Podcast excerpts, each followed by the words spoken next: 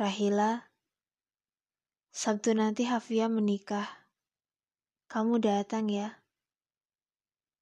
Ini adalah pesan yang kamu kirim sekitar tiga bulan yang lalu. Setelah sekian lama kita tak saling berkabar. Hafia adalah adik perempuanmu. Tapi sungguh, aku menyayanginya seperti adikku sendiri. Mana mungkin aku tidak datang ketika adikku menikah. Ya, hanya itu tulisan yang sanggup aku tulis dan segera aku kirim kepadamu. Tak ada lagi balasan.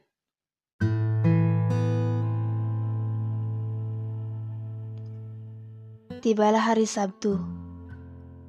Aku datang pagi-pagi ke acara resepsi yang kebetulan dilaksanakan di kediamanmu tanpa mengabari Hafia atau kamu Mas Azril.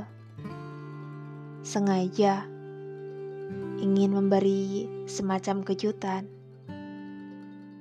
Berbicara tentang Hafia, sebulan sebelumnya dia sudah memintaku untuk datang.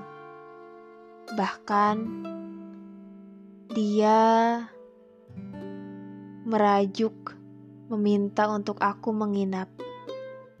Akan tetapi, pada waktu itu aku memberi keputusan bahwa aku tak bisa datang karena ada agenda yang tak bisa ditinggalkan. Namun ternyata rencana berubah total. Sehingga delapan hari sebelumnya pekerjaan yang dulunya akan aku lakukan pada hari Hafia menikah sudah selesai.